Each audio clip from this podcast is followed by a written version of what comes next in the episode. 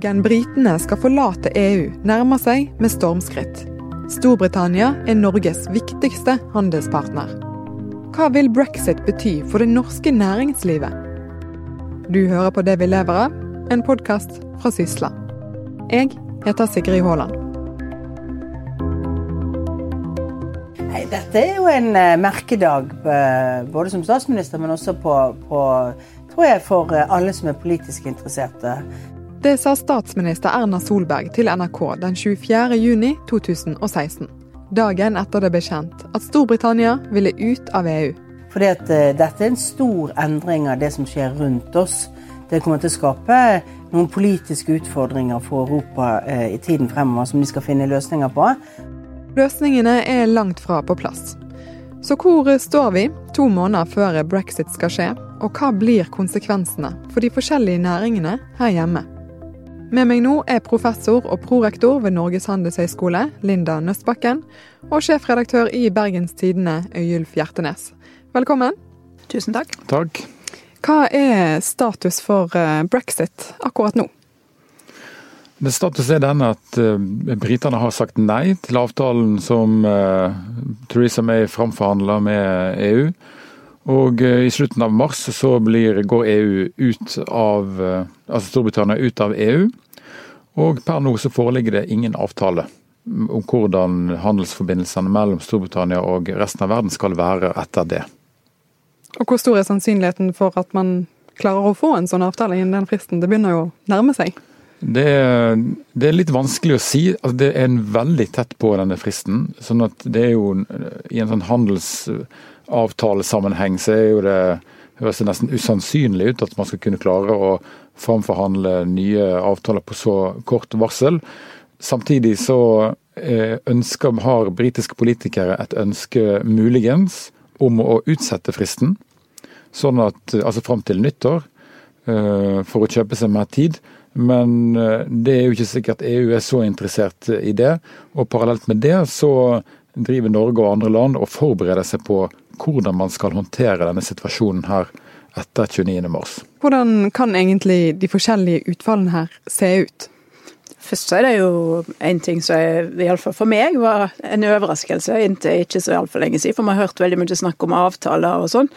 Og jeg har tenkt de å forhandle fram avtalen når Storbritannia går ut av EU og for all framtid. Men det er jo ikke det de snakker om. De snakker om avtalen akkurat med overgangsordninger.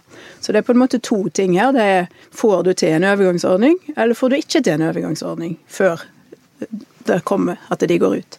Og får du det til, så blir det jo mye bedre enn hvis ikke de får det til, for da vet vi jo hva som skjer. Og de har en litt eh, stell på ting. Eh, får de ikke til en avtale, så snakker vi om det er no deal eller hard exit eller hard brexit, alt dette kunne du, hvem du snakke med og høre på. Men det er jo det de frykter nå, eh, og det er vel gjerne det de snakker mest om òg, fordi nå går vi mot 29. mars. Der er ingen overgangsordning så folk stiller seg bak. Og da, da hopper vi fra et stort marked med fri flyt av disse eh, varer og tjenester og folk og alt mulig, til ingenting og stengte grenser og tilbake til WTO som regulerer handel, og, og, det er noe helt annet. Så da er det mye som må, må settes. Og så har du brexit med overgangsavtale. Jeg er usikker på om det er noe vi engang trenger å snakke om, hvis ikke de får en utsettelse. For det, det virker, så du sier, veldig usannsynlig at de skal klare å lande det. Og så er jo den siste at du får en forsinkelse på, på brexit. Nå får de jo tid til å til å begynne litt på nytt, kanskje. Nå ser det ut som Therese May har kjørt seg litt fast der, og de snakker vel om nye forhandlere og alt mulig, og da kanskje få, noe bedre avtale til. Men, men, det er veldig stor usikkerhet. Det er iallfall det jeg leser av situasjonen. Det, det er vanskelig å vite hva som, hva som kommer nå. Og så er det litt skummelt òg, at vi er så nære 29. mars, og så, så kommer nærmere, nærmere, nærmere, og så, så er det så stor usikkerhet om hva som ligger etterpå.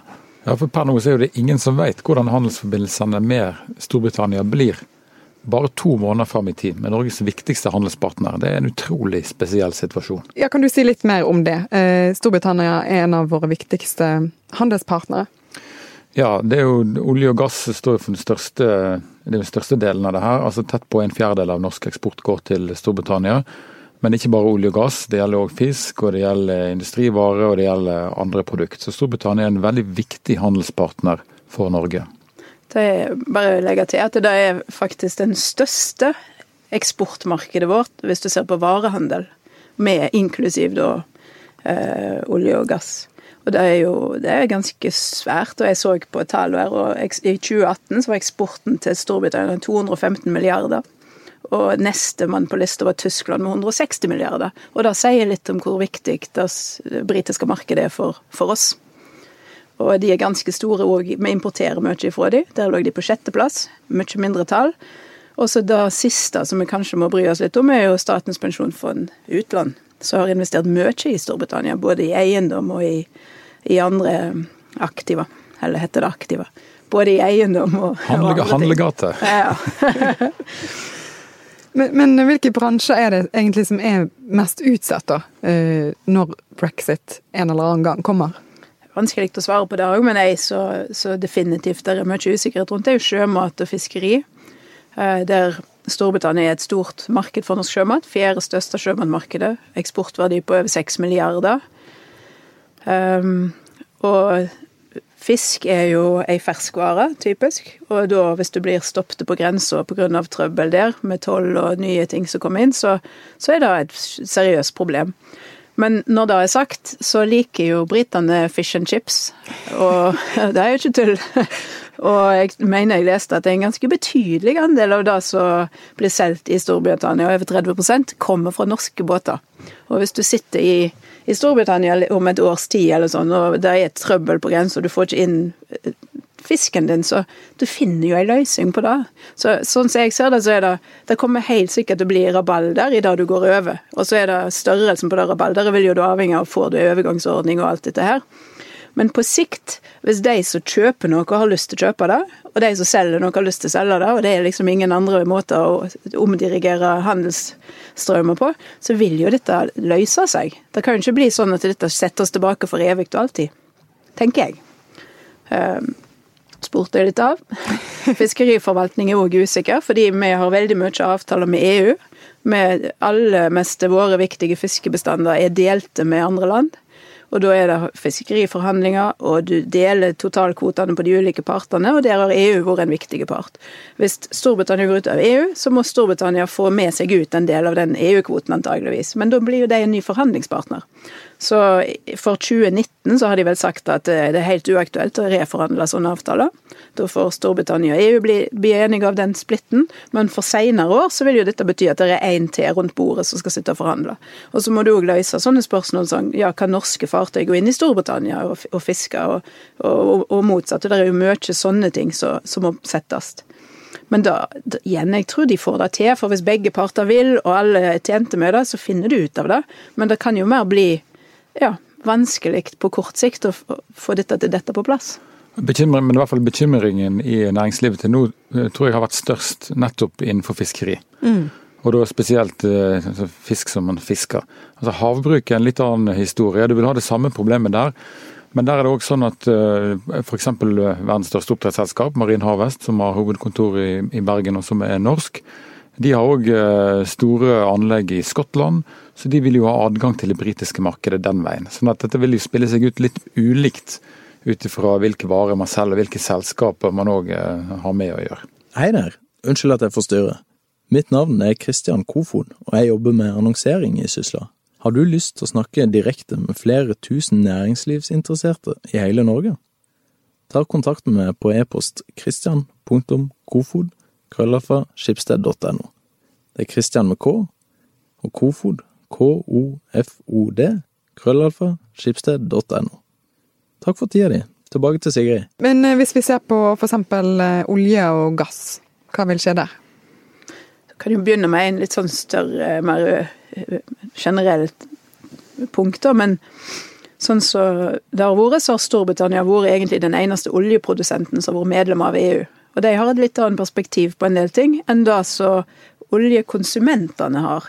Eh, og det er ikke nødvendigvis sånn at du griper inn i oljeproduksjon og forvaltning, og da, men det er mer sånn nedstrømsting som får effekter til, tilbake til de som produserer olje. Så hvis Storbritannia òg er ute av EU, så har vi ikke lenger en som står inne og, og fremmer på en måte da produsentperspektivet og sikrer at regulering av det som skjer, ikke går utover for mye utover de produsentene. Så det kan jo være en effekt som vi vil se på litt sikt. Det er sånn at Av den norske eksporten til Storbritannia så er det vel rundt 86% som er olje og gass. Og jeg leste et intervju med han næringslivsministeren Torbjørn Røe Isaksen her i dag, om dagen. Han mente at dette skulle gå fint inn mot olje og gass. Fordi Norge har allerede i dag egne avtaler med britene på det området. Spesielt gass er veldig viktig for Storbritannia. Det som er en større utfordring der, er jo tjenestesektoren. Altså Norske selskaper som leverer tjenester i, i Storbritannia innenfor olje og gass. Der er det mer usikkert hvordan det skal bli løst. En annen ting er jo at vi har jo mye kabler som går over til, til Storbritannia. Både med gass og med Nå bygger de òg en strømkabel. Så ikke blir ferdige før godt inn i Jeg vil anta at denne usikkerheten har løst seg litt opp til den i drift.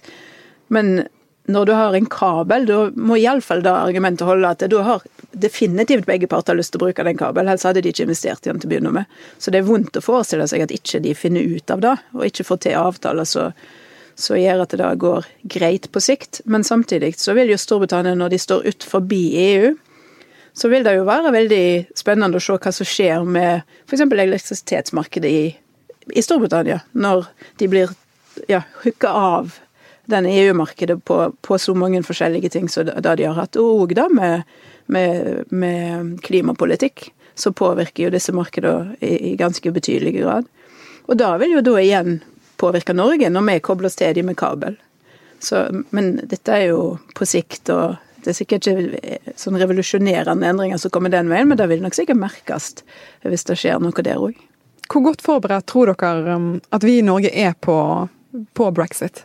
Hvis du ser fra politisk hold, så er det litt vanskelig å si. Det, vi, det vi vet er at Norge driver og forhandler med Storbritannia for, for å prøve å, å, få på plass hvert fall et slags minimumsavtaleverk, både innenfor finansmarkedene, innenfor luftfart og innenfor andre områder. Men det er klart at eh, så omfattende som den type forhandlinger er, så blir det litt sånn minimumsløsninger der vi er nå, og det er ikke noen varige løsning. Men det virker i hvert fall som både utenriksministeren og næringslivsministeren jobber eh, med de tingene her da, akkurat nå. Eh, inn mot næringslivet det er litt vanskelig å si, for hvordan skal man egentlig forberede seg på det?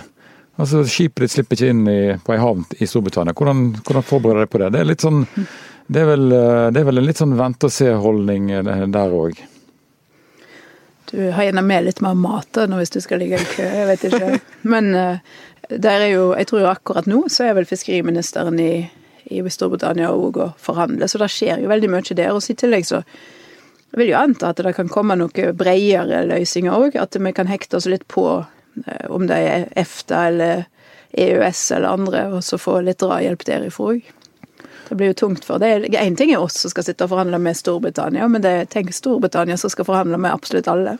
Ja, for spørsmålet, det er, jo, det, er jo, det er, jo, det store spørsmålet her. Det, det, er jo mange ting som tyder på at Norge og Storbritannia skal klare å finne ut av det med hverandre. Men hvis vi er på vei tilbake igjen her eh, til en verden hvor vi får flere bilaterale avtaler mellom, mellom land direkte, eh, færre store felles eh, avtaler rundt omkring i verden, så vil jo det ramme Norge òg hardt. Fordi at vi har tjent så masse på å være i kraft av å være et lite land, så har ikke vi så masse vi skulle sagt. Men det da å være med på den type internasjonale handelsavtaler har vært helt avgjørende viktig for den velferden som Norge har skapt de siste ti årene. Og for den velferden som de har i Storbritannia. Så det viser jo, jeg vil jo tro de har absolutt sterk interesse der. Det er jo interessant òg, nå går vi litt tilbake til begynnelsen her, men hva var det som starta hele dette? Det var jo så fri flyt av varer og tjeneste og mennesker. Det var jo menneskene de ikke ville ha så fri flyt på. Men de vil jo absolutt ha fri flyt av varer og tjeneste, Så er ikke det som er problemet. Så, men så er det jo om du får jo ikke i pose Hva heter det? Pose og sekk? Altså, Norge er, jo et, Norge er jo et lite land. En liten, åpen økonomi. Vi har alltid handla med verden. og eh, den eh, veksten som har vært, økonomiske veksten som har vært i Norge de siste 200 årene, har jo eh, stort sett handla om å drive eksport. Enten det er av tømmer eller uh, sjøfart eller fisk eller olje og gass uh, osv. Og den modellen som er bygd i Norge, hvor denne velferden her blir spredt utover befolkningen, tett samarbeid mellom arbeidstakerside og, og arbeidsgiverside, og staten, det har, jo, det har jo vært med på å skape et, eh, et, et samfunn som er veldig konkurransedyktig internasjonalt, fordi vi klarer, å være, vi klarer å omstille oss når det trengs, og samtidig at vi klarer å dempe de, de, de, de smellene som man får av å være i en liten, åpen økonomi. Det er litt sånn silda kommer, silda ikke kommer. Det har vi klart å, vi klart å håndtere. Og Spørsmålet er nå en ting er brexit, men hvis du legger til Trump og legger til alt det som skjer ute i verden, hvis vi beveger oss mot en verden hvor frihandelen går, altså får tilbakeslag, så er det Norge et av de landene som vil bli ramma av det. Og det som, det som, da vil skje, det vil ramme norske, norsk eksport, norske arbeidsplasser, norske skatteinntekter, norsk velferd og til sjuende og sist det samfunnet som vi, vi lever i her. Mm. Bare legge til at vi eksporterer jo veldig mye, det er jo ingenting å si på det. Men vi importerer veldig mye òg. Bare tenk at Hvis vi skulle bare gått til den motsatte situasjonen, at vi bare stenger grensene helt. Da måtte vi ete ekstreme mengder med laks, brent forferdelig mye olje, og hatt nesten ingenting utenom det.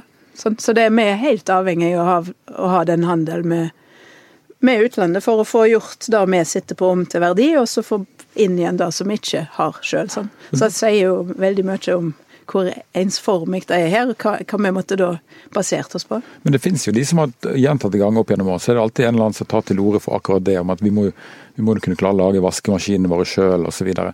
Men det er jo totalt å undervurdere den arbeidsdelingen som er internasjonalt, og hvor den gleden vi får ved å ta del i det. Du kan, du, kan, kjøpe en vaskemaskin for 4000-5000 kroner, det er det samme som det kosta eh, i 1982 omtrent. Så det er, en, eh, det er, en, interessant side som mange ofte glemmer, fordi vi blir så opptatt av oss sjøl og vi, hva vi kan gi til, gi til verden. Men verden vi gir jo en del til oss òg. Mm, men tilbake da til, hvis jeg skal være den som stadig går tilbake til dette med immigrasjon, så er det jo nettopp det som kommer inn der òg, at det er jo Og ikke bare immigrasjon, men òg at utenlandsk arbeidskraft stjeler jobbene dine. For det er jo flip-sida flip av dette er jo at ja, vi alle er bedre, men det kan jo være grupper i Norge som plutselig står uten jobber fordi noe som vi hadde før, da blir noe flytta ut, og så kjøper vi det billigere en annen plass. Så sånn variasjon sånn innenfor spesifikke grupper over tid, vil jo være folk som taper på handel. Sant? Og det er jo da vi har sett i så mange land. Nå vi nevnte Trump, men kan nevne Storbritannia både på, på dette og andre ting. Det er jo da som ligger liksom og, og skikkelig gneger, da. Og så får de jo vind i seil, og de som bruker det i, i politikken til å få sanka stemme. Men det er jo nettopp det vi har klart å håndtere i Norge på en mm. god måte. Det er det som er forskjellen på Norge og mange andre land oppi dette her òg. Ja, og samtidig sånn den, den arbeidsinnvandringa og den arbeidsutvandringa som har vært i Norge de siste 15 årene, har jo òg vært utrolig gunstig. Fordi i oppgangsårene for rundt for en Eh, for, noen år tilbake så kom det veldig mange arbeidsinnvandrere til Norge, jobba spesielt i byggebransjen. Eh, tok unna en høykonjunktur uten at den norske økonomien gikk eh, amok med, i en pris- og lønnsvekst. Og samtidig, når, når, den norske økonomien roa seg igjen, så var det mange som dro. Og dermed så ble det en ganske mjuk landing for Norge.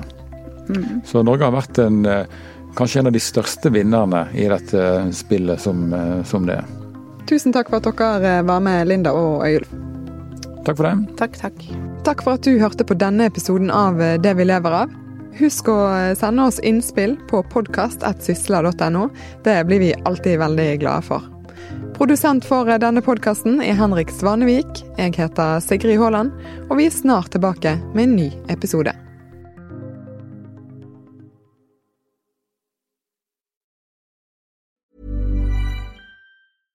Cool fact a crocodile can't stick out its tongue. Also, you can get health insurance for a month or just under a year in some states. United Healthcare short term insurance plans, underwritten by Golden Rule Insurance Company, offer flexible, budget friendly coverage for you. Learn more at uh1.com.